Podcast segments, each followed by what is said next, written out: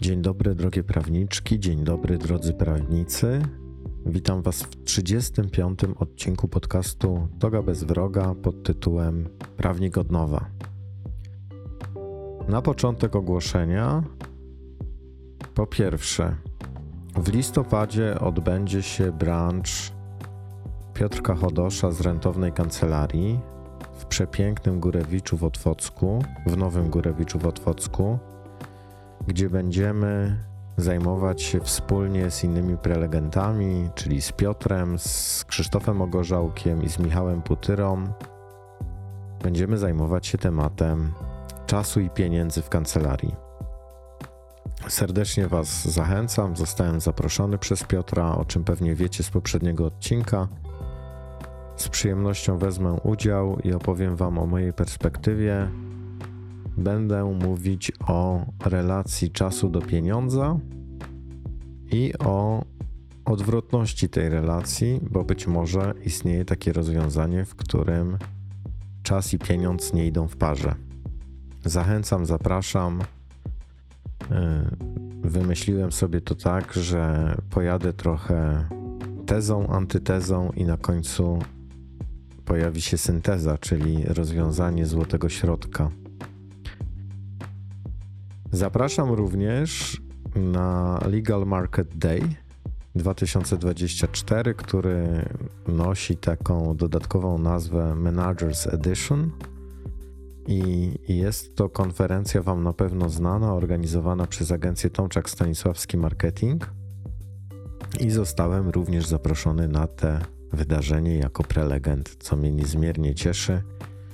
Miałem od dwóch lat takie skryte marzenie, że w końcu Jacek zadzwoni. Ja w takich sytuacjach nie zabiegam za bardzo, tylko daję temu, co robię, czas na to, żeby to na tyle rozkwitło, żebym mógł zostać dostrzeżony. I tak się dzieje. Za zaproszenie dziękuję. To na pewno będzie świetna konferencja dla właścicieli kancelarii. Mm, jak wszystkie konferencje Legal Market Day to też serdecznie zapraszam. Będę w mediach społecznościowych informować o, o tej konferencji.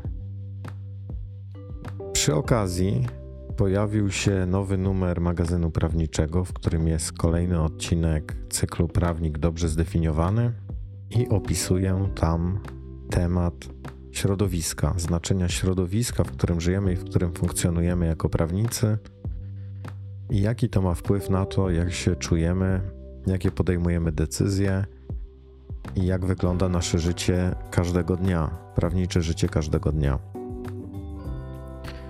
No i niby ogłoszenie, ale trochę słyszę, że się chwalę. Y, rzecz, rzecz kolejna to e-book Joasi Lubeckiej, mecenas Joanny Lubeckiej pod tytułem Biznes prawny od środka 10 kroków na rozbieg. Rozpoczęła się jego przedsprzedaż można znaleźć linka w mediach społecznościowych Joanny na LinkedInie, na Instagramie, być może na Facebooku, nie wiem, bo Facebook jakiś taki dla mnie się stał dziwnie przymierający. I jestem gościem, jednym z gości e, tego wydania i udzielam Joannie tam wywiadu na temat mojej pracy i tego, co zauważam w środowisku prawników jakie ograniczenia, przekonania, bóle rozwojowe i tym podobne. Więc za zachęcam również. Yy, nie mam wątpliwości, że Joanna napisała super e-booka. Znam jej pierwszego e-booka. Zawsze go polecam, chwalę i zachęcam do zakupu ludzi, którzy przychodzą do mnie na sesję czy do, do programu grupowego. No i też chciałem powiedzieć, że, że dzieje się dobrze, bo dzieje się tak, że napływacie do mnie na sesję.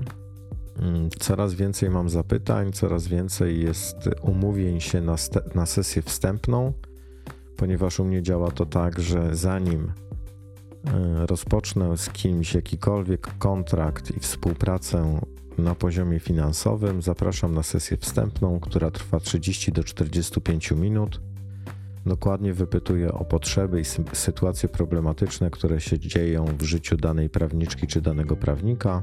Upewniam się, czy dobrze zrozumiałem, a następnie w oparciu o to, co słyszę, daję feedback, mówię, co w moim odczuciu jest lub może być do zrobienia.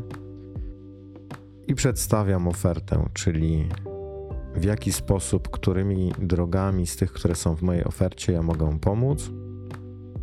No i sprawdzamy też na takim spotkaniu, czy jest chemia, czy jest flow, czy w ogóle się czujemy na tyle dobrze ze sobą, żeby rozpocząć no, intensywną, głęboką i czasem bardzo, bardzo, bardzo wymagającą pracę.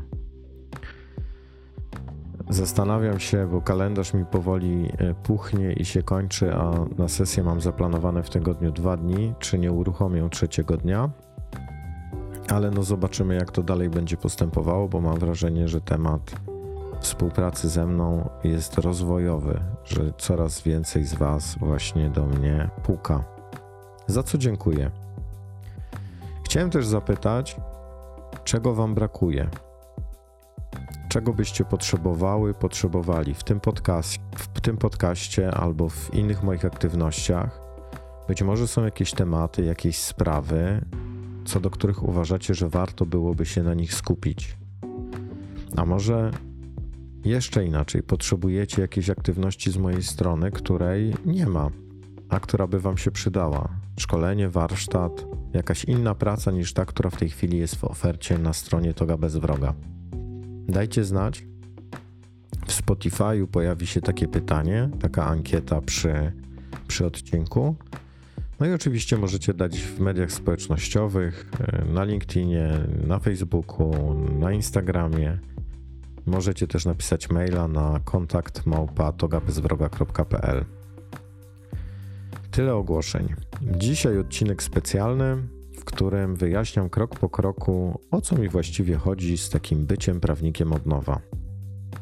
Jak wiecie, prowadzę program, 15-spotkaniowy program pod tym tytułem i myślę, że sam tytuł czy nazwa tego programu może być dla niektórych niezrozumiała, myląca. Niektórzy mogą sądzić, że tu chodzi tylko o prawników, którzy dopiero zaczynają. Więc w dzisiejszym podcaście jasno i krok po kroku opowiadam Wam o tym, w jaką drogę Was zapraszam i po jakich etapach Was przeprowadzam w tym programie. I to bez względu na to, ile macie lat, ile lat jesteście na rynku i jak dużą macie kancelarię. To, co jest w tym odcinku, jest w gruncie rzeczy przedmiotem mojej pracy na sesjach. Zawsze któryś z tych tematów wjeżdża wcześniej czy później w programach dłuższych, czyli rocznym programie albo w programie Prawnik od nowa. Wszystkie te tematy co do zasady się pojawiają. Prawnik od nowa to w moim odczuciu taka kwintesencja dojścia do siebie i swojej odpowiedzi na temat, jakim chcę być prawnikiem, jak chcę działać, funkcjonować, do kogo, jacy klienci itd. Tak o wszystkim za chwilę. Odcinek jest specjalny, dlatego że to, co za chwilę usłyszycie, jest zapisem mojego live'a na Instagramie, który przygotowałem w taki sposób, żeby stał się częścią podcastu, czyli wyciągnąłem plik audio, po to, żebyście mogli tego posłuchać i w zasadzie namówił mnie do tego mój ulubiony, kochany przyjaciel Piotrek Chodosz, który sobie tego live'a posłuchał i uznał, że jest to na tyle duża wartość, że mógłbym to po prostu udostępnić jako podcast. I to dzisiaj niniejszym czynię. Wrócę jeszcze do Was po całym tym materiale na chwilkę, żeby się pożegnać i powiedzieć jeszcze jedną ważną rzecz, dlatego proszę słuchajcie do samego końca. Zapraszam do odcinka zapisu live'a, ale o co chodzi z tym prawnikiem od nowa? Gdzie dowiecie się, o co mi tak naprawdę chodzi i gdzie ja lokalizuję Wasze główne problemy w byciu aktywnym, zadowolonym, szczęśliwym, w dobrostanie prawnikiem. Zapraszam do odsłuchu. Właśnie trwa konkurencyjny albo niekonkurencyjny live u uważnego prawnika, e, gdzie gościem Bartka Jakimca jest Kasia Czyż. Nie wiem, czy już skończyli, przed chwilą tam zajrzałem, więc nie wiem, czy e, czy czasem sobie, czy czasem sobie nie wchodzimy teraz e, wzajemnie na antenę. Jeszcze raz witam, witajcie. Dajcie znać, czy mnie widać, czy mnie słychać. Dzisiejszy live, którego dla Was przygotowałem, ma taki dość kontrowersyjny tytuł, ale o co chodzi z tym prawnikiem y, od nowa? Widzę, że się pojawiacie. Cześć Karolina. Cześć, tyle tych paragrafów. Proszę dajcie znać, czy mnie dobrze widać, y, chociaż to raczej widzę, ale czy mnie też dobrze słychać? Czy nie jestem czasem za, e, za, za cicho? Dzisiaj chciałem Was troszkę zachęcić do takiego nowego spojrzenia na zawód prawniczy i poopowiadać też troszkę o tym, czym ja się e, codziennie zajmuję i do czego zapraszam prawników. Mecenas rolników, dzięki. Witaj. Czym ja się na co dzień zajmuję i na czym polega moja praca w codziennym kontakcie z prawnikami. W zasadzie dzisiaj przedstawię Wam, zobaczymy jak to wyjdzie czasowo. Myślę, że ten live potrwa gdzieś 60, może 90 minut. Więc w zasadzie dzisiaj przedstawię Wam całe moje założenie i cały schemat mojej pracy z prawnikami, po to, żeby ci prawnicy osiągnęli tak pożądany dobrostan, a jednocześnie satysfakcję z pracy i satysfakcję finansową. Jakby jest tutaj kilka elementów, które są do pospinania i do poukładania, i wiem dobrze, że gdy one są poukładane, gdy są pospinane, gdy są pochwytane, gdy prawnik sobie to wszystko podefiniuje i ponazywa, to jego życie zawodowe, jego funkcjonowanie może być dużo bardziej efektywne, lepsze, ekologiczne, zdrowsze, pełne dobrostanu, pełne równowagi. Jeżeli odrobi wszystkie zadania i wszystkie prace domowe, które są do wykonania w takim procesie, to również będzie zasobny od strony finansowej, czyli będzie mu się wiodło, a przynajmniej pozna drogę do tego, jak to zrobić. Ale o co chodzi z tym prawnikiem od nowa? Po pierwsze, towarzyszą mi psy, więc sorry, jeżeli e, zrobią hałas. Nie miałem serca, żeby je e, wyrzucić z pokoju, bo jak za długo są same, to e, głupieją. Pierwsze kluczowe założenie, jeżeli chodzi o bycie prawnikiem od nowa, jest takie, że i samorządy zawodowe, i studia prawnicze nie uczą nas tego, jak mamy w gruncie rzeczy wykonywać swoje zawody. Uczymy się prawa, uczymy się paragrafów, ale nie uczymy się tego, jak o siebie zadbać, jak patrzeć na siebie, jak szukać w sobie odpowiedzi na pytanie, jakim chcę być prawnikiem, jak zadbać o swój dobrostan, o równowagę. Przed chwilą słuchałem troszkę Bartka Jakimca i Kasi Czyż, opowiadali o humorze, o luzie. Większość prawników, których ja znam i których by, wy być może znacie, to są prawnicy zagonieni, napięci, w pogoni za klientami, w pogoni za pieniędzmi. I to na swój sposób e, jest męczące, eksploatujące, często prowadzi do wypalenia zawodowego, do depresji, do ucieczek w używki i w różne inne mechanizmy, tylko po to, żeby nie czuć, tylko po to, żeby nie skontaktować się z sobą, tylko po to, żeby nie ponazywać tego, co się w nas dzieje. Cześć Dorota, oj tam, oj tam. E, I, I cześć Ola. Ola, oczywiście live będzie zapisany, więc jak masz pilniejsze sprawy, to, to śmiało sobie mm, do nich uciekaj. Więc ja Wam dzisiaj opowiem o tym, o czym Wam nikt nie mówi. Czego nie ma na studiach prawniczych, czego nie ma na aplikacji, czego nie ma na zajęciach, co nie jest przedmiotem egzaminu zawodowego, skutkiem czego ja później się spotykam, e, często się spotykam z klientami, którzy są dobrymi prawnikami, są dobrze przygotowani merytorycznie, zdali mniej, mniej lub bardziej dobrze egzamin, ale w pewnym momencie swojego życia utykają. Coś ich blokuje. Gdzieś tracą takie, takie swoje poczucie, że ta praca ma dla nich sens, że jest dla nich źródłem radości, że ona może im dawać poczucie satysfakcji i sensu nie tylko pracy, ale w ogóle życia jako takiego. W jakimś sensie opowiadam Wam też o swojej drodze, bo, bo jak wiecie, ja z zawodu jestem adwokatem, jestem adwokatem niewykonującym zawodu w tej chwili. I dzięki między innymi temu modelowi, który Wam dzisiaj przedstawię, doszedłem do miejsca, w którym jestem. Do miejsca, w którym wspieram prawników, pracuję z prawnikami, robię coś ważnego dla siebie, coś ważnego dla świata, coś ważnego dla środowiska, w którym funkcjonowałem i mam poczucie spełnienia. Mam poczucie satysfakcji wewnętrznej, też poczucie, satysfakcji materialnej. E, mam bardzo dużo pozytywnego feedbacku od ludzi, e, którzy przychodzą, czy to na sesje, czy do programów. I czuję się człowiekiem dzięki temu zawodowo bardzo spełnionym. I o tej drodze dzisiaj chciałem Wam opowiedzieć, bo jest to droga w moim odczuciu uniwersalna. I każda z Was, każdy z Was może tę drogę dla siebie przejść, zrobić sobie, mówiąc krótko, dobrze w swoim życiu zawodowym. I krok po kroku, co jest w takim procesie odkrywania siebie jako prawnika w moim odczuciu ważne i co wypełnia generalnie moje zawodowe życie każdego dnia. Rzecz pierwsza. Każda z Was i każdy z Was potrzebuje sobie odpowiedzieć na pytanie, dokąd ja jako prawniczka, prawnik zmierzam. Jako adwokat, jako radca, jako inny prawnik, jako in-house, nawet jako sędzia, prokurator czy notariusz, komornik. Do czego ja zmierzam? W jaką podróż się udaję i po co? Idę do pracy każdego dnia. Po co tam idę? Co, co ja chcę tam osiągnąć? Jakie mam, mówiąc krótko, cele? Czy moje cele są tylko i wyłącznie finansowe? Czy moje cele są jakieś głębsze? Sporo z nas przychodzi do tego zawodu po to, żeby robić w życiu coś ważnego i sensownego.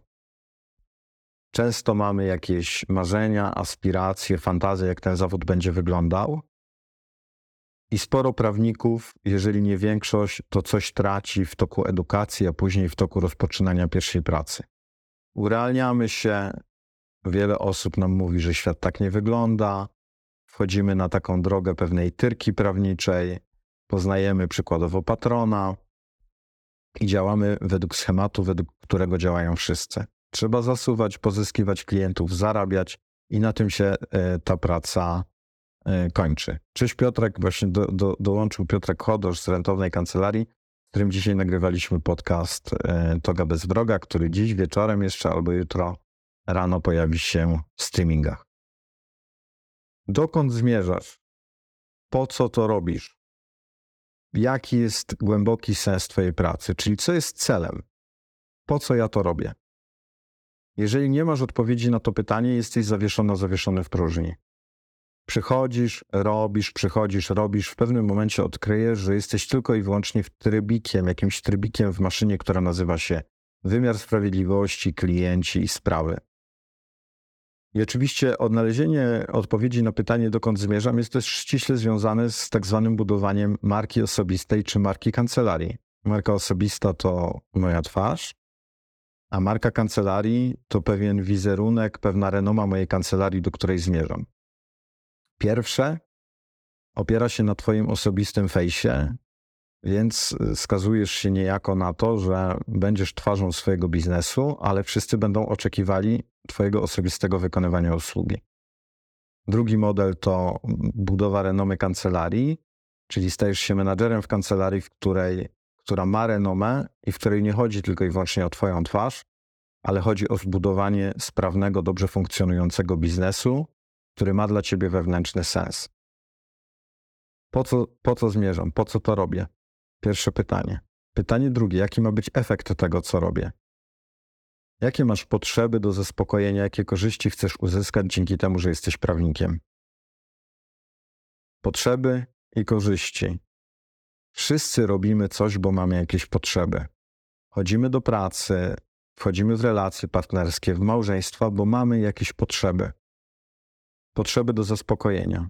I tak jak celem jest małżeństwo, a efektem jest zdrowa relacja, miłość, przyjaźń, wymiana, rozmowy i poczucie szczęścia, tak samo możesz spojrzeć na kancelarię.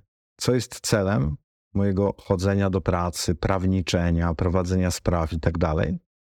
A co jest efektem? Co ja dzięki temu mam uzyskać dla siebie? Jakie potrzeby zaspokoić? Jakie korzyści uzyskać? To oczywiście mogą być korzyści materialne, typu pieniądze, yy, nowy samochód, czyli pieniądze, lepszy komputer, czyli pieniądze, zagraniczne wczasy, czyli pieniądze. Ale też jest coś w środku w tobie, co chcesz, czego nie możesz uzyskać, a dzięki pracy chcesz to uzyskać. Więc co jest tą potrzebą wewnętrzną, która jest do zaspokojenia? Przykładowo może to być poczucie większego sensu tego, co robię, pomaganie innym i satysfakcja z tym związana, radość, wspieranie innych, bycie pomocowcem wobec innych, co mi daje określony stan psychofizyczny. Pamiętajmy, że robimy coś po to, żeby się jakoś czuć. Więc jeżeli robisz robotę jako prawnik, to po to, żeby się w określony sposób czuć. Jaki jest efekt, jaki ma być efekt Twojej pracy? Jak chcesz się czuć dzięki swojej pracy? Jeżeli nie nazwiesz celu, nie określisz celu, nie określisz efektów, których potrzebujesz, to jesteś zawieszona, zawieszony w próżni. Działasz na pałę, mówiąc krótko, i można tak działać. Można gonić za króliczkiem, za kasą, za klientami 5, 10, 15 lat. Ja goniłem prawie 18 lat. I ostatecznie się tym zmęczyłem, bo odkryłem, że nie ma w tym jakiegoś już większego sensu dla mnie. Dopóki rozwijałem, rosło, mm, miałem takie poczucie, że chcę więcej, więcej, więcej i więcej, już odkryłem, że ja mogę każde więcej, ale nie mam już w środku tego poczucia, żebym miał z tego frajdę, że mi to robi coś ważnego i poważnego we mnie, że ja się z tym jakoś super czuję. Więc jak chcesz się czuć, to potrzebujesz wiedzieć, bo gdy wiesz, co jest Twoim celem pracy i wiesz, jak chcesz się dzięki temu czuć, jakie potrzeby i korzyści zaspokoić, potrzeby uzyskać, korzy korzyści uzyskać, potrzeby zaspokoić, to wiesz, gdzie idziesz i po co. I możesz dzięki temu sprawdzać, czy jesteś na właściwej drodze. Bo jeżeli siedzisz w korpo i nie masz poczucia, że robisz coś sensownego i coś ważnego, a na tym ci ak akurat zależy, to najprawdopodobniej potrzebujesz wyprowadzić się z korpo i przejść gdzie indziej. Jeżeli robisz y, sprawy karne i masz dość użerania się z klientami i masz dość, dość tego, że oni są tacy, a nie inni, że przychodzą z takimi, a nie innymi sprawami i dzięki temu nie czujesz się tak, jak chcesz się czuć, to potrzebujesz zmienić kurs na taki, w którym Twoje potrzeby będą zaspokojone.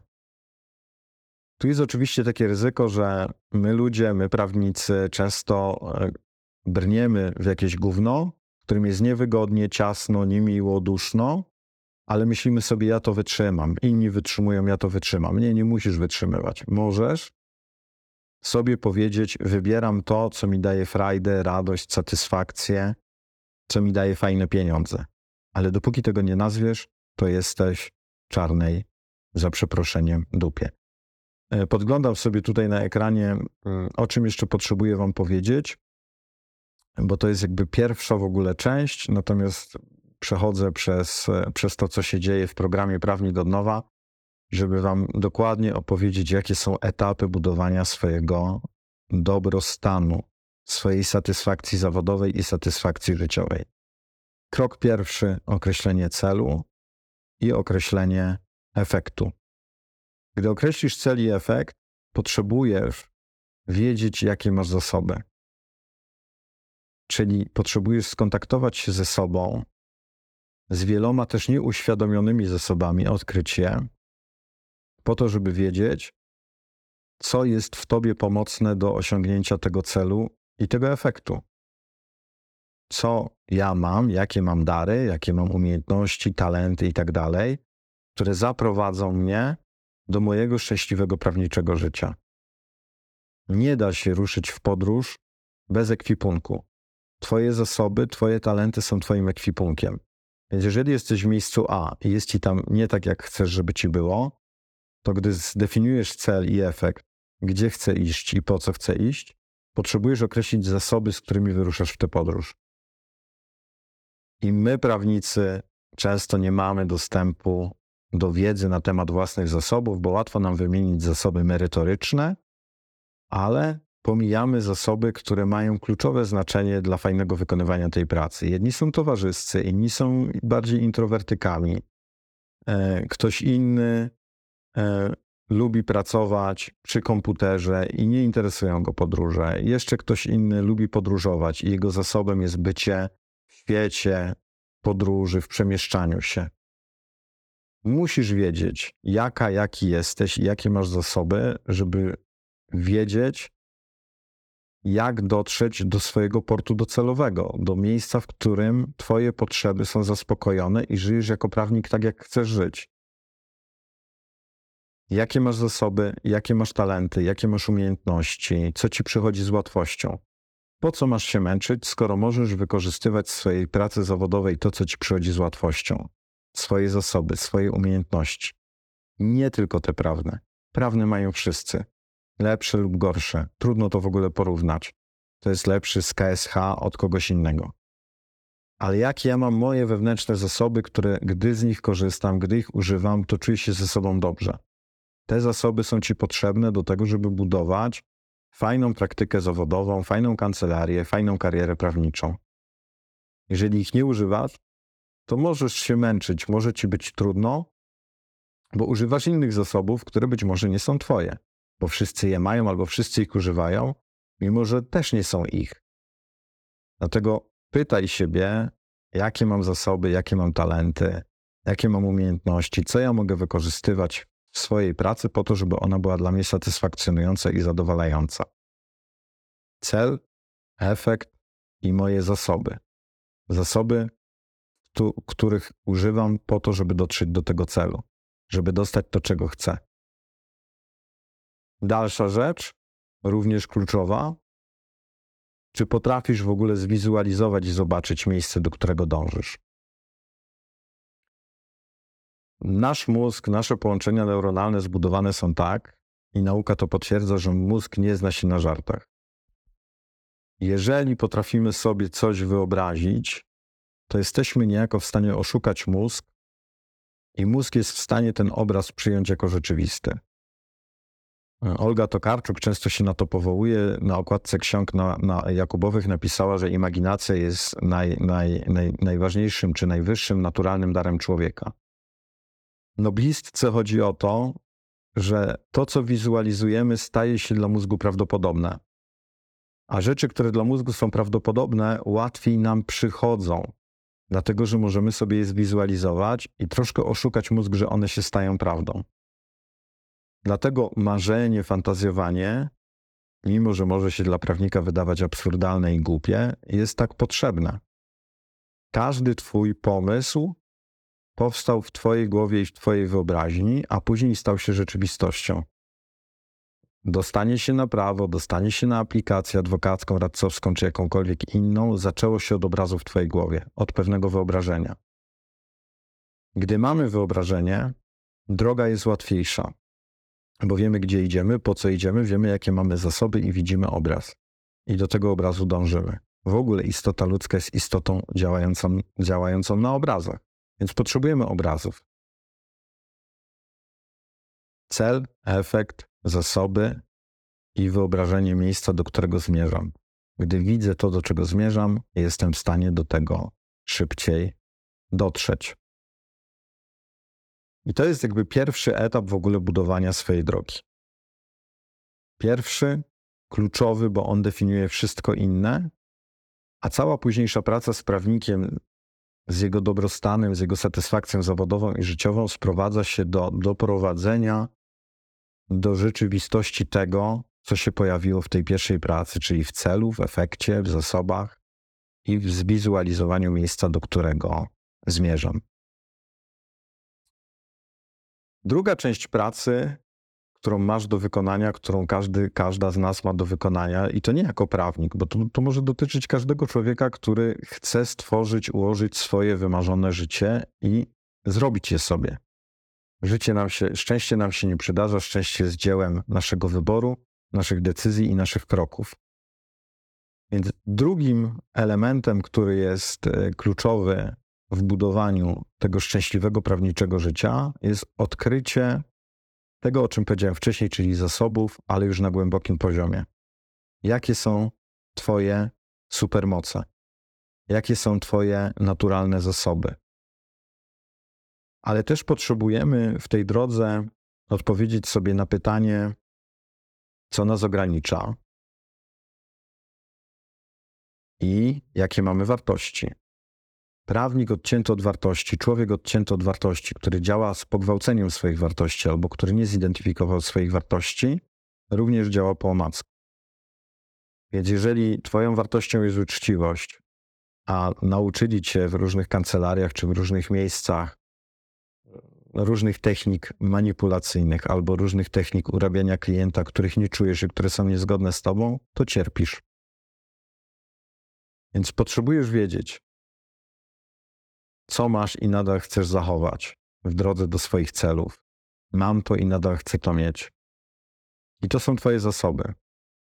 Potrzebujesz wiedzieć, co masz i czego nie chcesz. I to są z reguły Twoje przekonania. Bo jeżeli coś masz, a tego nie chcesz, to pytanie brzmi: po co to masz? Jeżeli mam trudnych współpracowników albo mam durnego, męczącego, apodyktycznego szefa i nie chcę go mieć, zadaj sobie pytanie, jakie przekonanie sprawia, że sobie to robisz. Czego nie masz i nie chcesz? Czyli co, co, co, cię, co, cię, co, co cię może e, wspierać, bo to, czego nie mamy i nie chcemy, jeżeli dobrze się temu przyjrzymy, reprezentuje nasze wartości. Nie mam i nie chcę nieuczciwości w pracy. Ok? Odwróć nieuczciwość. Twoją wartością jest uczciwość. Nie mam i nie chcę mieć małej ilości pieniędzy.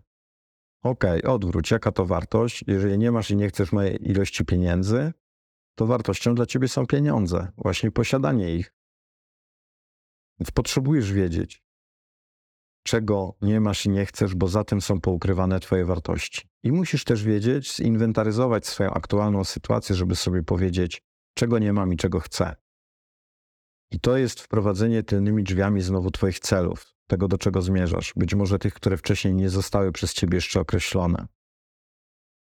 Więc inwentaryzując swoją aktualną sytuację i dążąc do swojego spełnionego zawodowego życia, potrzebujesz odpowiedzieć sobie na kolejne cztery pytania. Co mam i nadal chcę, to za, i nadal chcę zachować? Jakieś zasoby, coś, co jest i warto to utrzymać. Co mam i czego nie chcę, czyli co mi mówiąc krótko przeszkadza.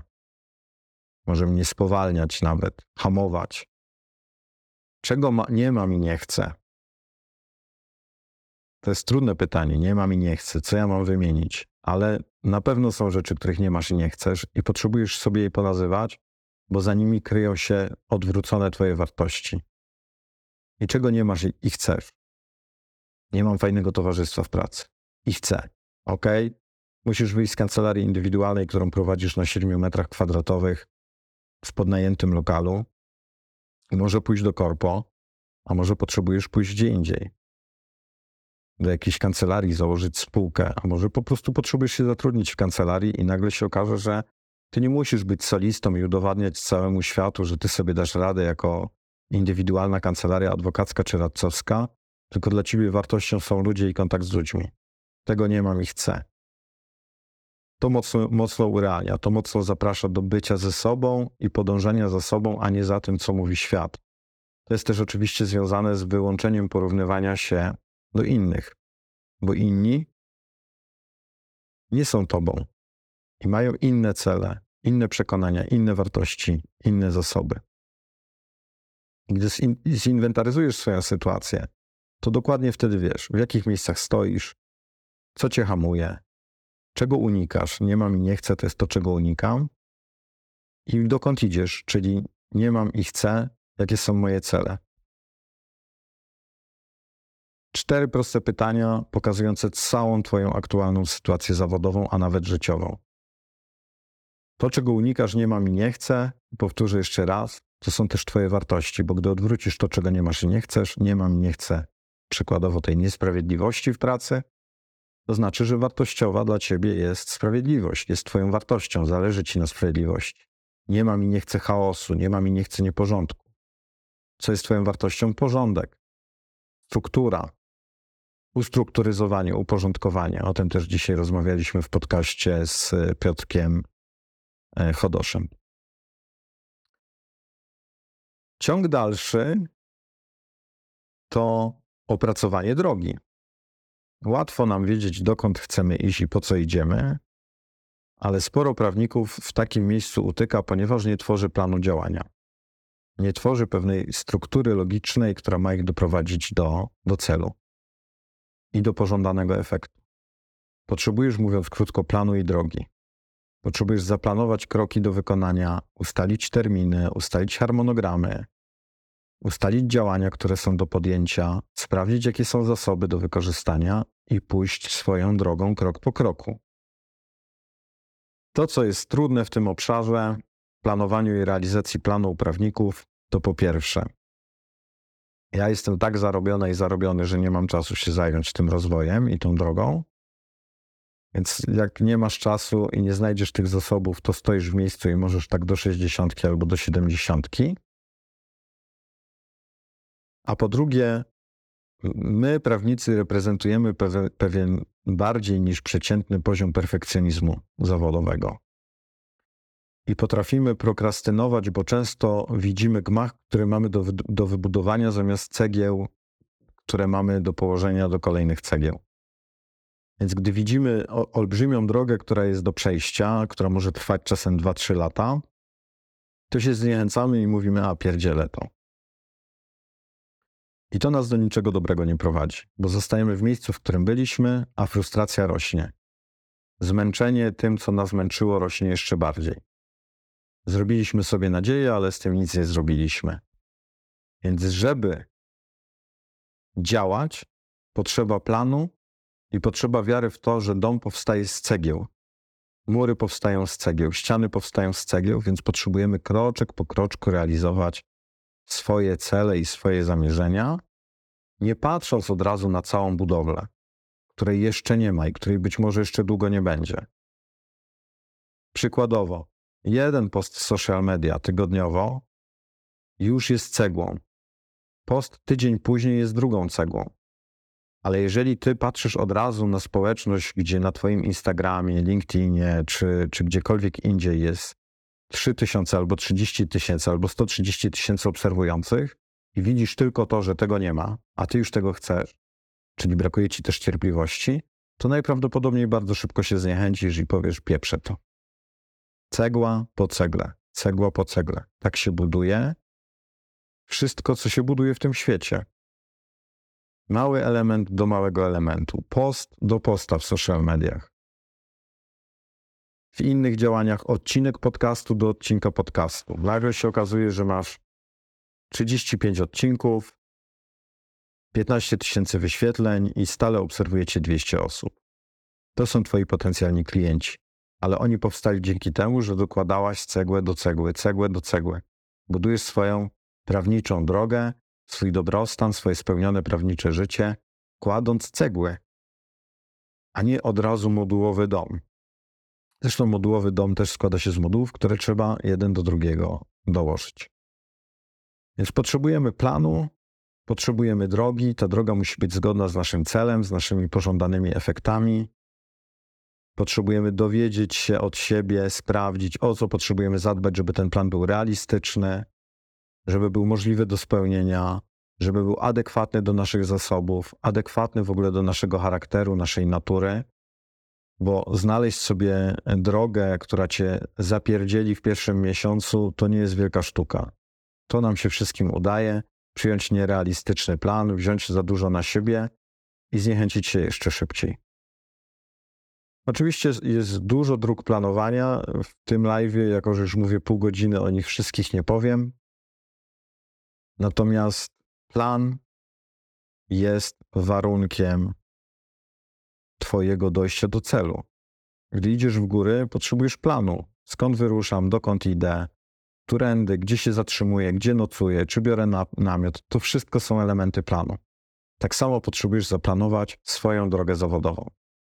Jeżeli robisz ją na pałę, to na pałę może się klienci znajdą, może się pieniądze znajdą, może będę robić sprawy, które lubię. Jak masz plan, jesteś w stanie weryfikować etapy jego wykonania, sprawdzać, co nie działa, korygować i iść w swoją stronę, do miejsca, do którego chcesz dotrzeć, a nie gdziekolwiek. I tutaj jest też kwestia potrzeby takiej otwartości na modyfikację planu. Nie każdy plan od razu prowadzi nas tam, gdzie chcemy zajść, więc potrzebujemy być elastyczni i w tej elastyczności modyfikować, korygować kurs, redefiniować, uczyć się tego, że nie od razu jesteśmy super mądrymi, super efektywnymi przedsiębiorcami, którzy ze strzała dojdą do obrotu milion rocznie albo milion miesięcznie. Pomijając pytanie, które też często zadaję, czy milion miesięcznie czy rocznie w ogóle ci jest potrzebny, bo może twoje potrzeby są gdzie indziej, może masz zarobić, nie wiem, 30 tysięcy miesięcznie mieć dużo czasu na czytanie książek i podróżowanie. To też potrzebujesz w swoim planie i w swoim tworzeniu drogi zawodowej uwzględnić. Co dalej? To, co nas najbardziej udupia, to są nasze przekonania. Pieniądze są fe. Ja wykonuję zawód po, po, pomocowy z misją, ja robię coś ważnego dla świata, więc pieniądze są fe. Albo klient mi tyle nie zapłaci. Albo konkurencja bierze tyle, a tyle i bierze mniej. To wszystko to jest Twój sposób myślenia i Twój software, który, jeżeli się mu nie przyjrzysz i go nie zoptymalizujesz, nie zaprowadzi cię tam, gdzie chcesz być. Ja zawsze przy temacie software'u, gdy z tym pracujemy, czy w grupie, czy indywidualnie, polecam skorzystanie z jakiejś typologii osobowości, żeby sprawdzić, kim ja jestem według psychometrii, według badań psychometrycznych. Ja korzystam z takiego systemu, który się nazywa Enneagram. On nie ma naukowych e, konotacji, natomiast jest niewiarygodnie skuteczny. Każdy, kto z nim pracował, wie, że bardzo dobrze definiuje ludzi co do tego, kim są, jakie są ich ograniczenia i jaka jest ich dalsza e, droga rozwoju. Więc za naszą typologią osobowości idzie nasz software, czyli nasz określony sposób myślenia o świecie, o byciu prawnikiem, o zarabianiu pieniędzy, o klientach, o relacjach z klientami, o tym, jak wyznaczamy granice, o tym, jak się kontraktujemy z klientem i tak dalej. Potrzebujesz sprawdzić, czy Twój sposób myślenia o sobie, o świecie, o klientach, o pieniądzach, o biznesie pozwala Ci osiągnąć cel i efekt, o którym mówiłem na początku. Jeżeli tego nie sprawdzisz, najprawdopodobniej coś cię wypieprzy z twojej drogi. Jeżeli to sprawdzisz i nie zidentyfikujesz przekonań, które cię ograniczają i odbierają ci możliwość dojścia do celu, to do niego nie dojdziesz. Musisz poznać swój software, czyli poznać siebie i swój sposób myślenia na tyle dobrze, żeby wiedzieć, co cię blokuje, co cię powstrzymuje, mimo że chcesz. I to jest też częsty temat. Dzisiaj z Piotrkiem Chodoszem o tym rozmawialiśmy w podcaście, że co z tego, że my mamy wiedzę, mamy narzędzia, mamy, mamy, mamy software, mamy wszystko, czego potrzebujemy, jeżeli sami nie potrafimy zauważyć tego, że mamy jakieś głupie przekonanie, które nas blokuje.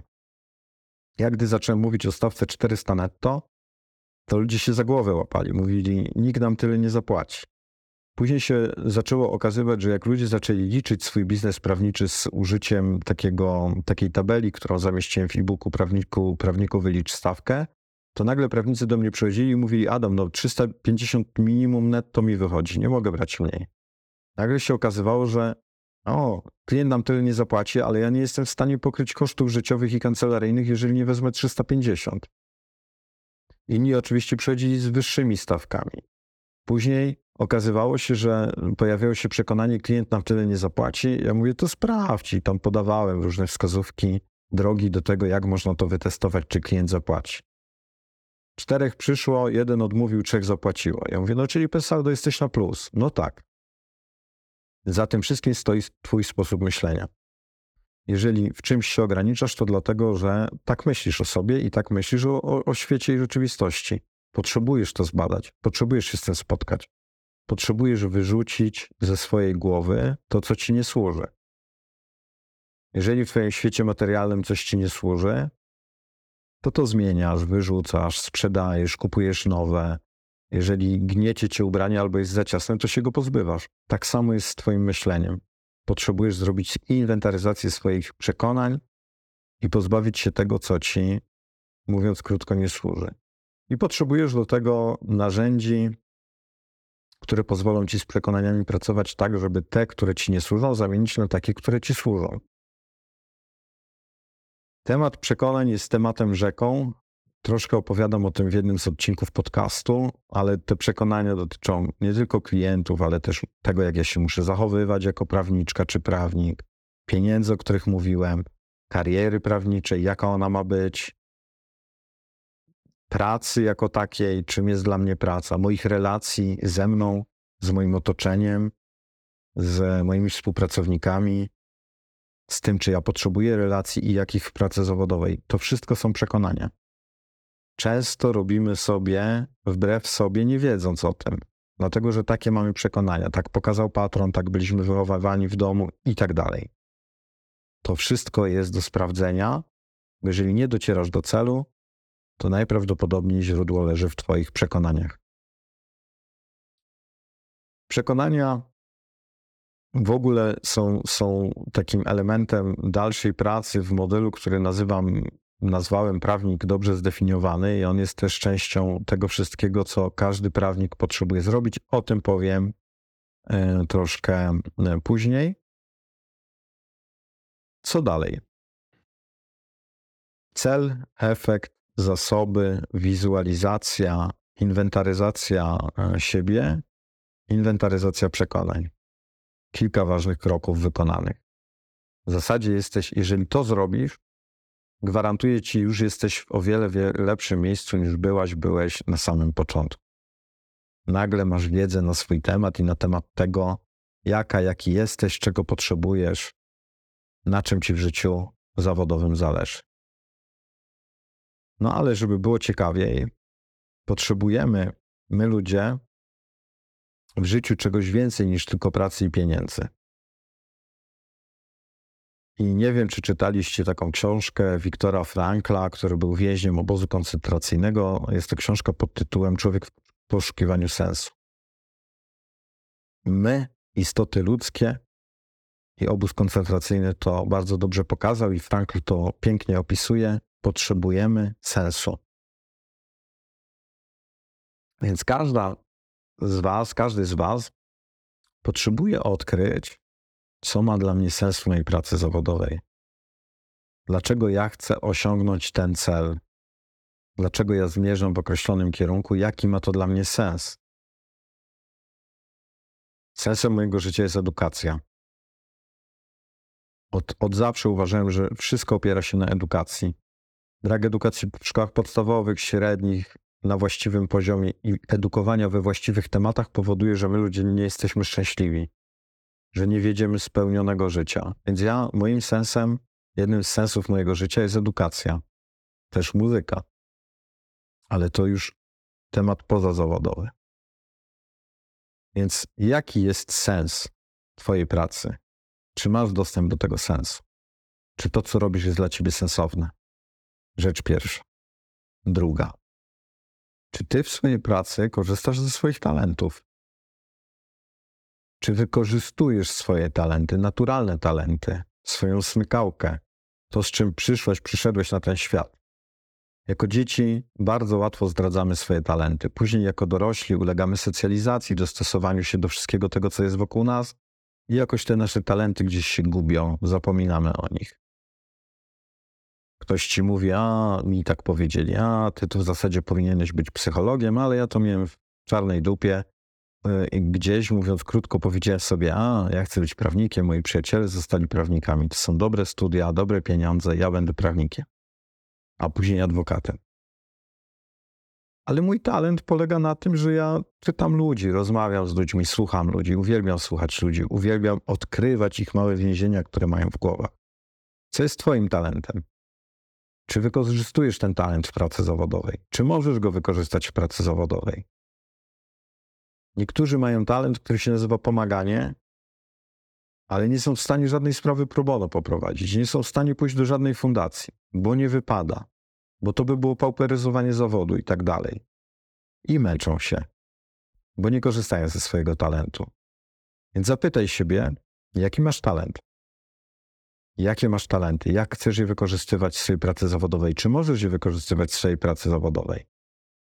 Bo jeżeli twoim talentem jest popitalanie na gitarce i grasz super solówki, albo robisz świetne kolczyki z, z, z piór e, ptactwa wszelakiego kolorowego, to może się okazać, że ty się męczysz w kancelarii, bo nie robisz tego, co jest, nie robisz tego, co jest jakby z twojego środka i, i, i identyfikuje, pokazuje światu twój talent. Znam ludzi pracujących w korporacjach, którzy w pewnym momencie wzięli się za, za dłuto i zaczęli, zaczęli się zajmować rzeźbieniem. I otworzyli sobie mały zakład rzemieślniczy i może nie mają super pieniędzy, ale są super zadowoleni, bo korzystają ze swojego talentu. Karl Gustav Jung, wczoraj to wrzuciłem na relację, bo robiłem przegląd swoich starych zdjęć, kiedyś powiedział, że twórczość jest przejawem zdrowia, a twórczość bierze się z naszego talentu. Więc czy masz kontakt ze swoimi talentami, czy wykorzystujesz je w pracy, czy możesz je wykorzystywać w pracy i w dążeniu do swoich celów? Jeśli nie, sprawdź, czy możesz to zrobić. Jeżeli nie możesz tego zrobić, być może potrzebujesz się zastanowić nad zmianą profesji Polecam Wam wczorajszy live e, uważnego prawnika z adwokatem Michałem Chochołą, gdzie, gdzie Michał wprost opowiada o tym, że jakie miał wątpliwości do, dotyczące wykonywania pracy zawodowej, co jest jego prawdziwą smykałką i pasją.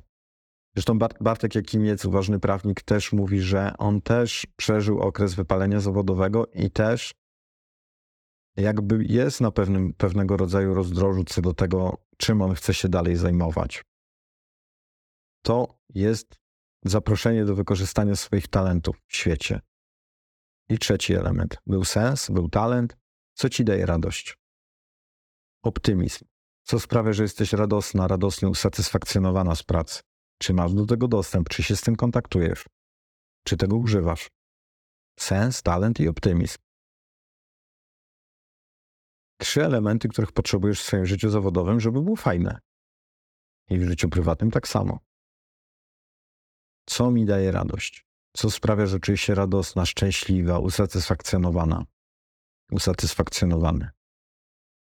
Teraz, gdy odpowiesz sobie na pytanie, co jest Twoim sensem, co jest Twoim talentem, co sprawia Ci radość, to możesz poszukać połączenia w swojej pracy tych wszystkich trzech elementów. Ono na pewno istnieje a przynajmniej istnieje duża doza prawdopodobieństwa, że istnieje.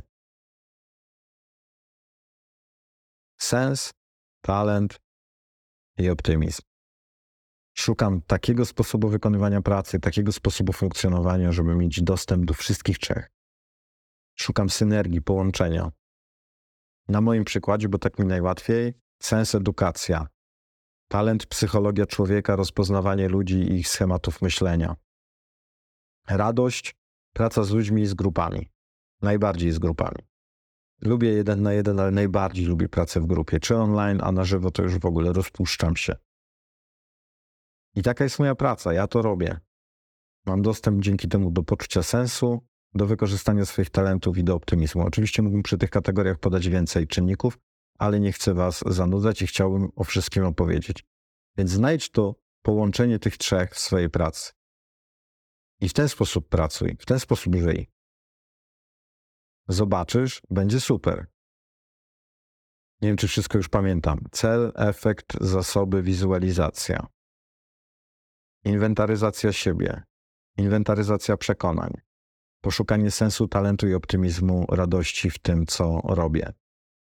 Możesz też y, poszukać, to się pojawiało na moim profilu, jest też na profilu Bartka Jakimca, o czynnikach dobrostanu, bo to jest jakby trochę inne ubranie tego samego tematu, spojrzenie na to z innej strony. Możesz też po poszukać o koncepcji Michalia Csikszentmihalija, który napisał taką książkę Przepływ, czyli flow, o tym, jak zbadać i zidentyfikować to, co sprawia, że jestem w stanie flow w swoim życiu. Możesz poszukać modelu Ikigai, który znajdziesz w internecie z grafikami. On też jest o tym samym, tylko w innym ujęciu. Generalnie te systemy zapraszają cię do tego, żebyś żyła, żył w sposób szczęśliwy, radosny, pełen optymizmu, z poczuciem sensu i z wykorzystaniem talentów. Co dalej? Tak się składa niestety, że psychika człowieka jest skonstruowana z różnych figur, które w naszej głowie gadają. Nasze konflikty wewnętrzne biorą się z tego, że gadają do nas różne głosy.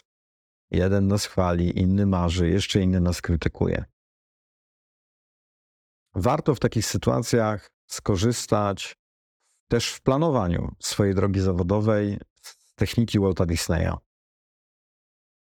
Disney ponoć pracował według takiego modelu, że każdy pomysł badał przez pryzmat trzech figur. Marzyciela, czyli takiego bujającego w obłokach, który trochę jest oderwany od ziemi i nie wie nic o Bożym świecie. Krytyka, czyli tej figury, która w nas, prawnikach, żyje bardzo dobrze. My świetnie krytykujemy teksty, umowy, siebie, nasze otoczenie. Bywamy niestety krytyczni, tak mamy. Na tym też polega ta praca, że krytykujemy przeciwnika i tak dalej. I trzecia figura to realista. Jeżeli zawładnął tobą krytyk, to udupia cię na każdym kroku. I najprawdopodobniej nie osiągasz e, swoich e, rezultatów. Jeżeli zawładnął tobą marzyciel, to możesz mieć świetne, cudowne plany. Polecam post Joasi Lubeckiej z wczoraj czy z przedwczoraj, e, który promuje jej najnowszego e-booka, gdzie pięknie jest to opisane. Więc możesz być w obłokach i w ogóle świetnie marzę, świetnie wizualizuję, ale nic nie robię z tym. I możesz być realistą. Realista jest taką figurą, która troszkę środkuje marzyciela i krytyka. I to jest coś, co jest pośrodku, jest drogą środka, jest czymś zrównoważonym i wyważonym. A jeszcze lepiej będzie, jak znajdziesz taką jakość w sobie, która potrafi korzystać równocześnie z tych trzech figur, marzyciela, krytyka i realistę i zarządzać nimi w tobie. I to też jest praca do wykonania. Z każdym tematem można tak pracować. Ja się tym bardzo często zajmuję. W zasadzie w programie rocznym to się pojawia i w programie Prawnik od Nowa zawsze ten temat się pojawia. Niezależnie od tego, z czym pracujecie, z czym ktoś pracuje, z czym grupa pracuje, to ten temat wjeżdża bo wszyscy mamy tendencję do nadmiernego krytykowania się. Dlaczego? Dlatego, że od naszych szkół podstawowych jesteśmy e, przyzwyczajeni do tego, że czegokolwiek nie zrobimy, to spotyka się to z krytyką. Więc to jest kolejny krok. Marzyciel krytyki realista w połączeniu, a nie jedna figura, która zawładnęła tobą i twoim myśleniem i twoim funkcjonowaniem. Na każdym etapie swojej drogi do swojego wymarzonego prawniczego życia potrzebujesz rewidować plan. O tym już mówiłem. Więc cokolwiek nowego odkrywasz, cokolwiek nowego się zadziewa, potrzebujesz spojrzeć na plan i odpowiedzieć sobie na pytanie, czy mój plan czasem się już nie zdeaktualizował, czy nie potrzebuję tego tutaj czegoś poprawić, czegoś zmienić, zmienić kursy, skorygować czegoś. Być może coś, o czym tak bardzo marzyłam jeszcze niedawno i co było takim super celem, gdy spotkałam się z moim poczuciem sensu, talentu i optymizmu, już nie jest tak ważne. Bo może ważniejsza jest dla mnie, nie wiem, rodzina albo podróże z przyjaciółmi w górę. Mogę mniej pracować, mniej zarabiać, ale więcej spędzać czasu z przyjaciółmi w górach i już mi będzie lepiej w życiu. A ja ci powiem, a jak zaczniesz więcej spędzać czasu z przyjaciółmi w górach, będzie ci się lepiej pracować i ten biznes ci pójdzie lepiej. Jedno zawsze wpływa na drugie. To wszystko jest w połączeniu, działa tu tak zwany, tak się uśmiecham do was trochę, efekt E, efekt motyla. Kolejny krok. Twoje relacje. Jesteśmy istotami społecznymi i potrzebujemy relacji. Potrzebujemy dobrych, karmiących, jakościowych relacji. Jeżeli nie mamy takich relacji, najprawdopodobniej coś nam nie idzie tak, jak potrzeba. Więc potrzebujesz się przyjrzeć swoim relacjom i wziąć za nie odpowiedzialność. Co to znaczy? To znaczy, że nikt w Twoim życiu nie będzie robił tego, czego ty chcesz.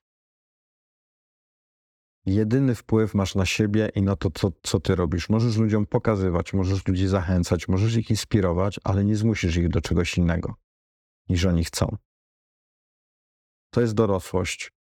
W dorosłości odpowiedzialność za relacje polega na tym, że ja kształtuję relacje ze swojej strony i albo się z kimś spotykam lub nie. Ktoś na to odpowiada lub nie.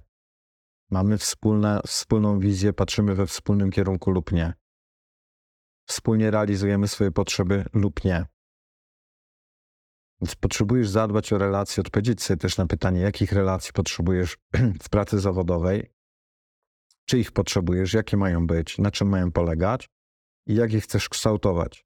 Jak chcesz budować pomosty do innych ludzi, na jakich zasobach chcesz się oprzeć, na jakich wartościach chcesz się oprzeć, bo bez dobrych relacji chyba że jesteś typem skrajnego introwertyka i samotnika, raczej nie zbudujesz dobrostanu zawodowego i dobrostanu życiowego.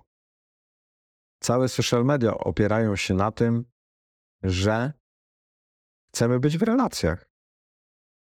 Chcemy być w kontakcie z ludźmi. Potrzebujemy ludzi. Ludzie są ważni. Więc temat relacji, w tym relacji ze sobą i dokładnego przyglądania się sobie w relacjach z innymi. Ale najpierw w relacji ze sobą, bo relacja z innymi jest zawsze twoją pochodną twojej relacji z samą sobą, z samym sobą. Kolejny warunek.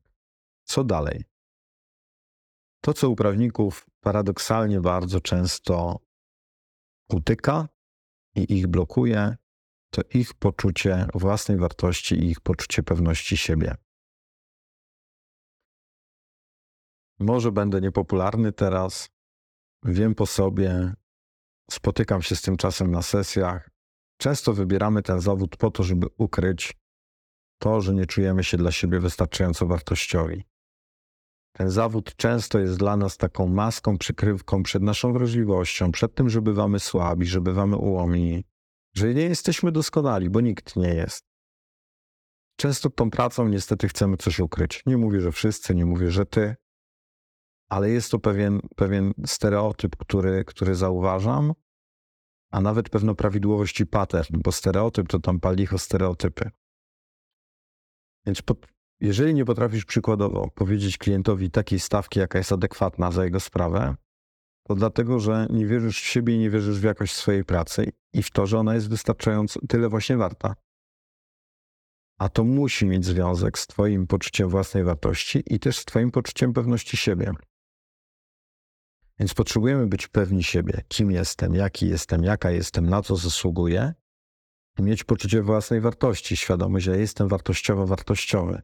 Bez względu na wygrane i przegrane, bez względu na ilość zarobionych pieniędzy, bez względu na, na, ilość sukcesów, dyplomów, polubień, wyświetleń, e, MBA-ów i innych kompetencji, które uzyskałam.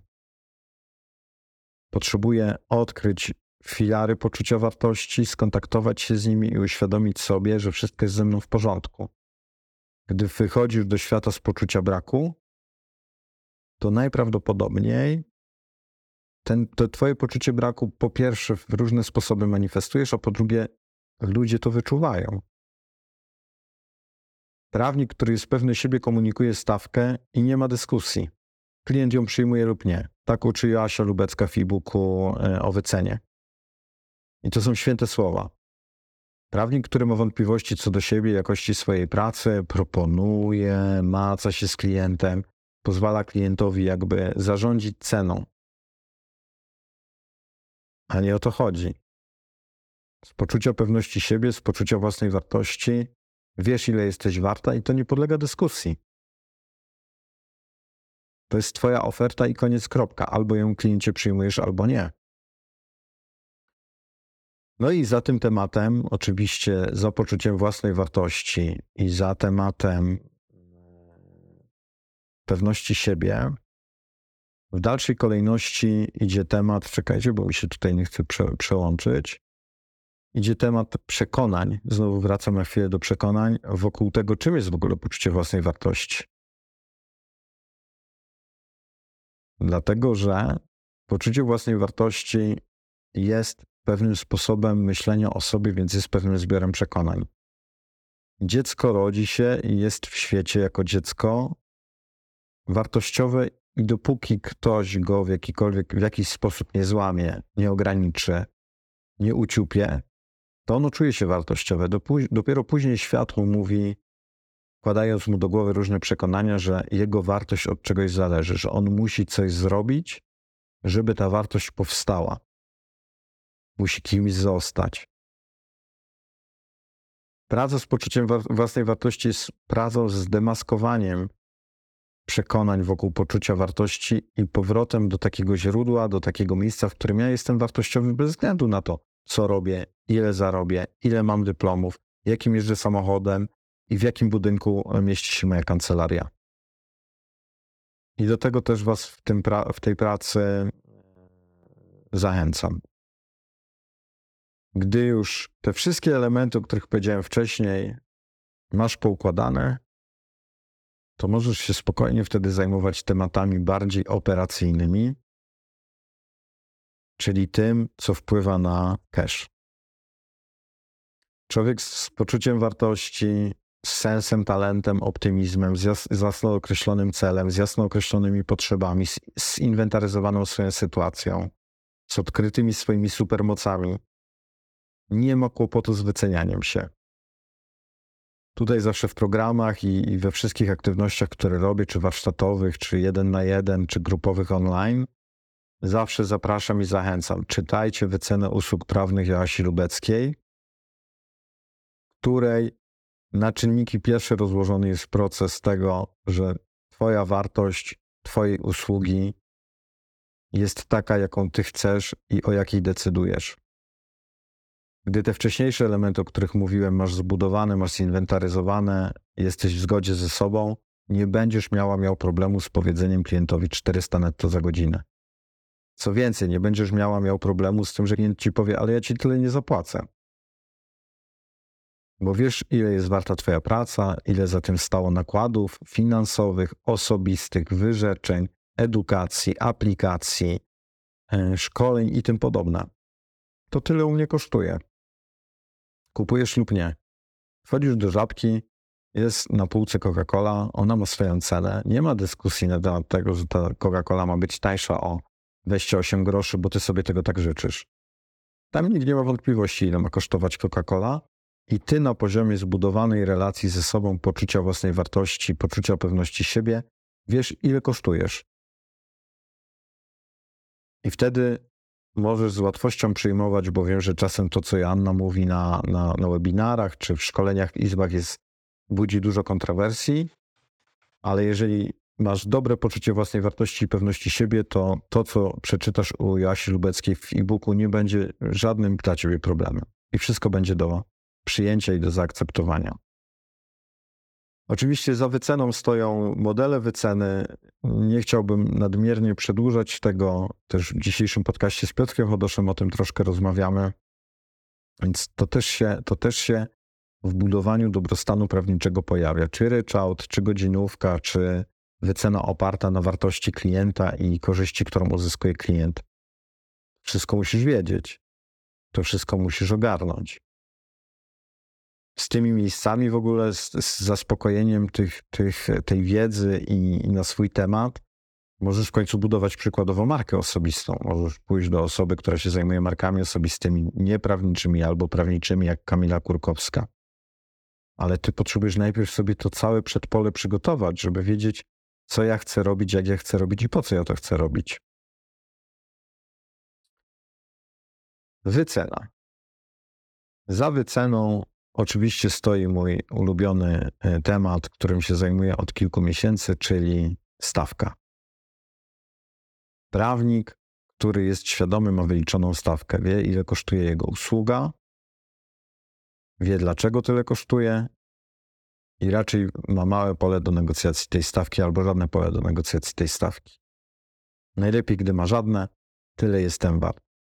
Ale potrzebujesz znaleźć mechanizm, sposób i drogę, do tego, żeby tą stawkę wyliczyć. Czy to jest stawka ryczałtowa, czy to jest stawka godzinowa, czy to jest stawka oparta na korzyści i wartości, którą uzyskuje klient dzięki temu, że do ciebie przyszedł ze sprawą, ze zleceniem, z rozwodem czy z czymkolwiek innym. Co dalej? Boże, dużo tego. Mamy taką tendencję też, my ludzie wszyscy, że trudno przeżywamy kryzysy i rzadko potrafimy odnaleźć sens i znaczenie kryzysów w naszym życiu, mimo że te kryzysy są dla nas ważnymi lekcjami i czynią nas silniejszymi, mądrzejszymi i sprawniejszymi. Więc potrzebujemy sobie odpowiedzieć na pytanie, jaka jest moc kryzysów, które przeżywamy, tych przeszłych i tych aktualnych. Dlaczego? Dlatego, że kryzysy mają taką moc, że my je dramatyzujemy, i potrafią rozpieprzyć nam życie, rozpieprzyć nam funkcjonowanie, rozpieprzyć nam radość życia, radość pracy i, i, i tak dalej. Spotkanie się z kryzysami, zintegrowanie ich, odkrycie ich mocy, odkrycie informacji, które się w nich kryły i tego, co jest do zrobienia, jest nam po prostu potrzebne. I to jest zadanie do odrobienia. Kryzys nieuświadomiony, niezinwentaryzowany, nie z niewydobytymi skarbami, które się za nim kryły, po pierwsze może powrócić, jak każdy kryzys, po drugie może być przeżywany jeszcze bardziej.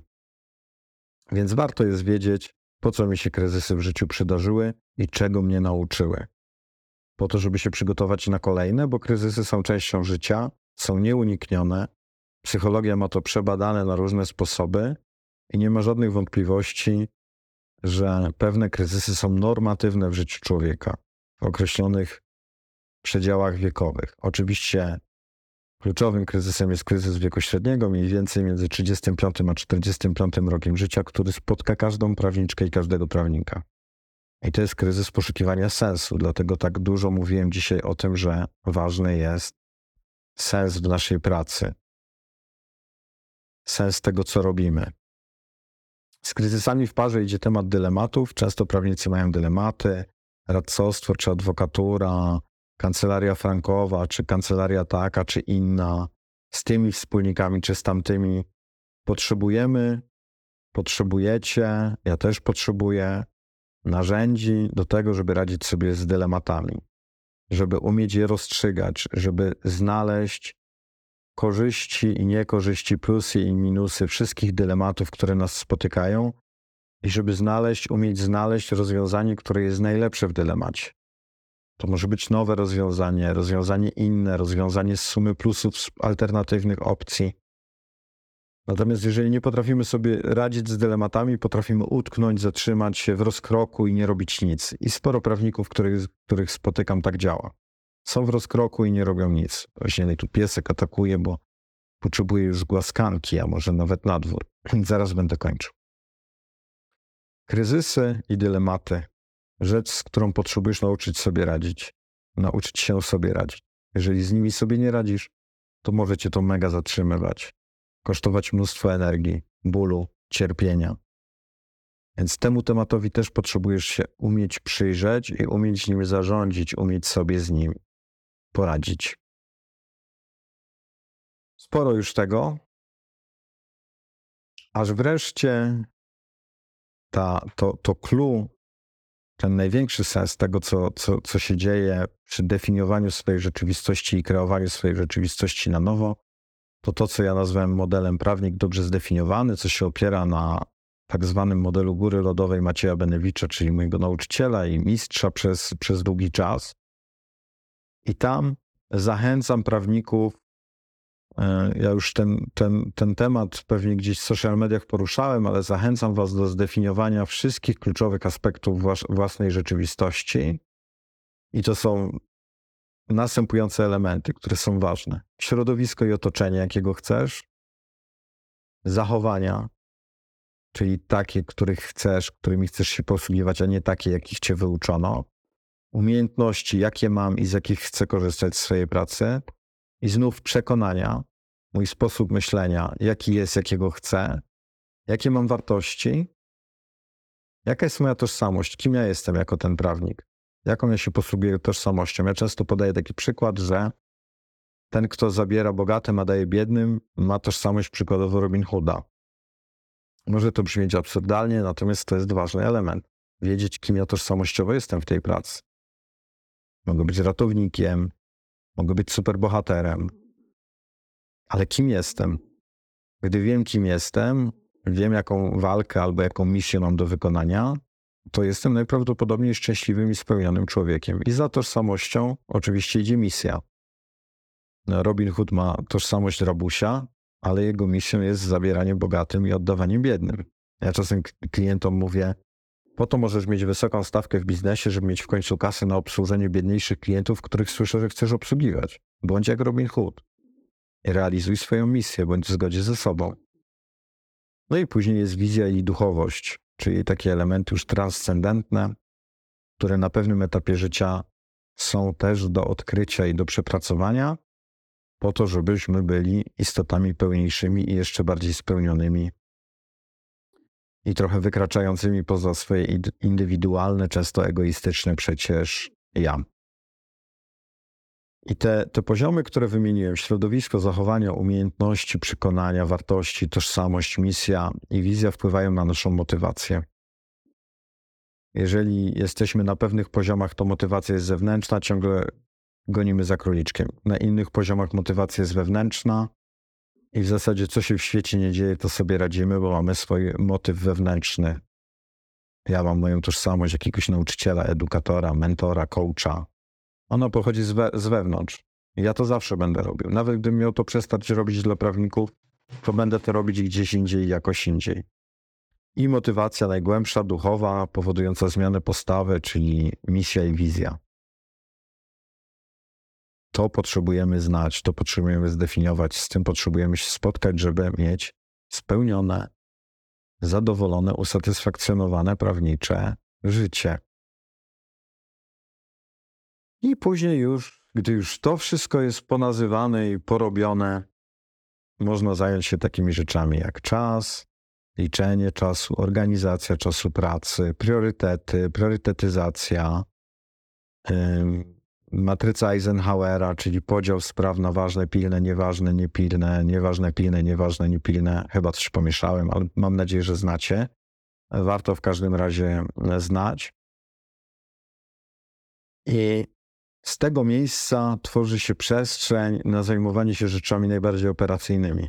No bo jak jestem już zadowolona, zadowolony, wiem gdzie idę, po co idę, znam wartości, misję, wizję, tożsamość, znam swoje przekonania, wiem po co to robię, to mogę zajmować się technikami Pomodoro, skupić się na fokusowaniu na pracę, dobrze zorganizować pracę, nauczyć się bilingowania, rozliczania klientów, ewidencjonowania czasu pracy, tworzenia timesheetów i tak dalej, po to, żeby mi ten biznes jeszcze lepiej działał i był jeszcze lepiej uszczelniony.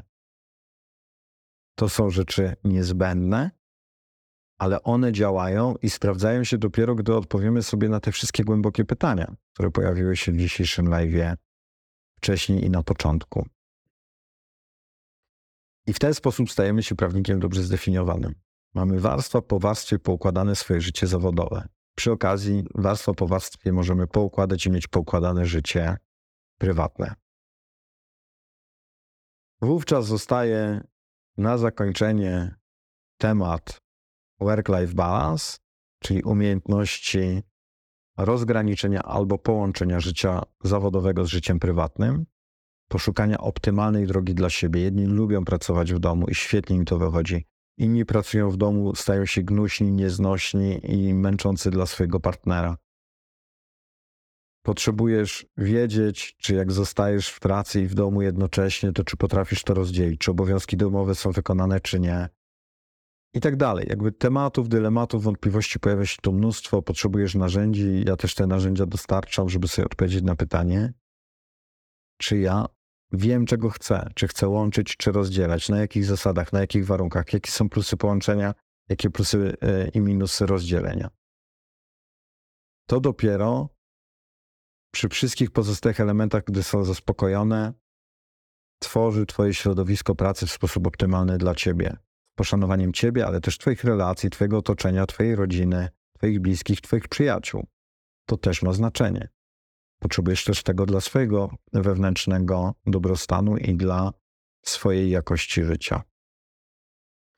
I na samym końcu, już jako, jako wisienka na, na wisience, zajmujemy się tematem uważności, obecności, dobrostanu wewnętrznego i takiego skontaktowania się ze sobą, ze swoim ciałem i sygnałami płynącymi z ciała po to, żeby wiedzieć, gdzie idę nie tak. Ciało ciągle nas informuje.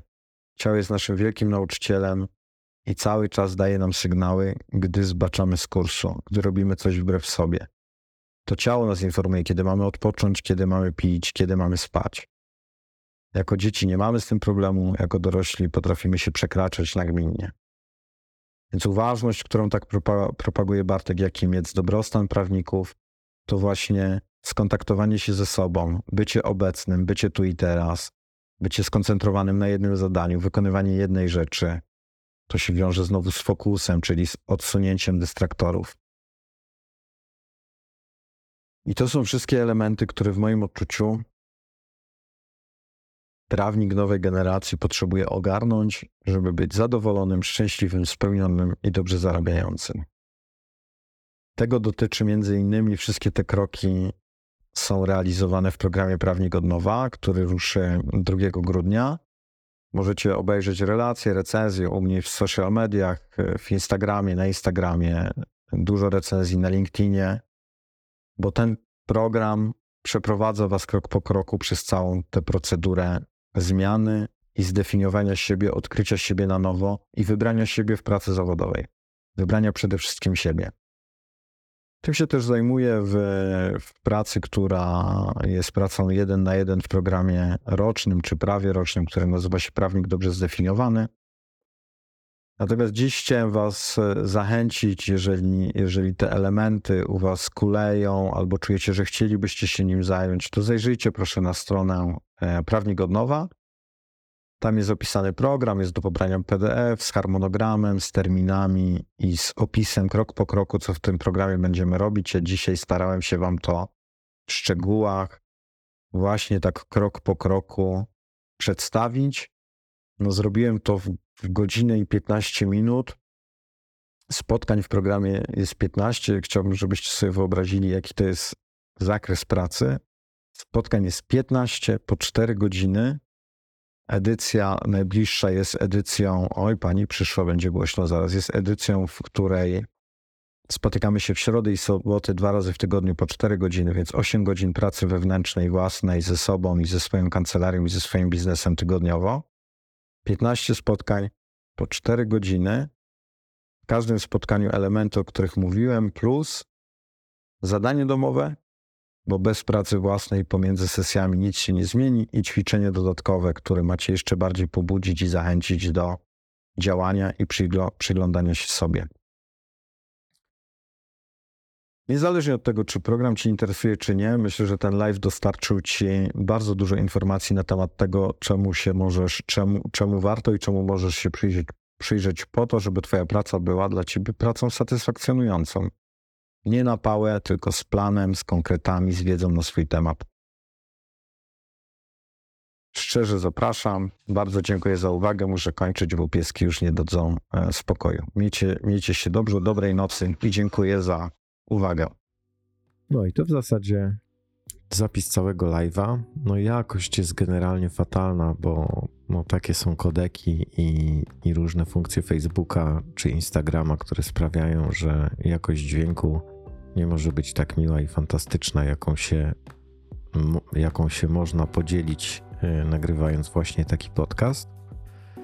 Serdecznie Wam dziękuję. Zapraszam Was do programu Prawnik od Nowa. Wszystkie szczegóły znajdziecie na stronie prawnikodnowa.pl.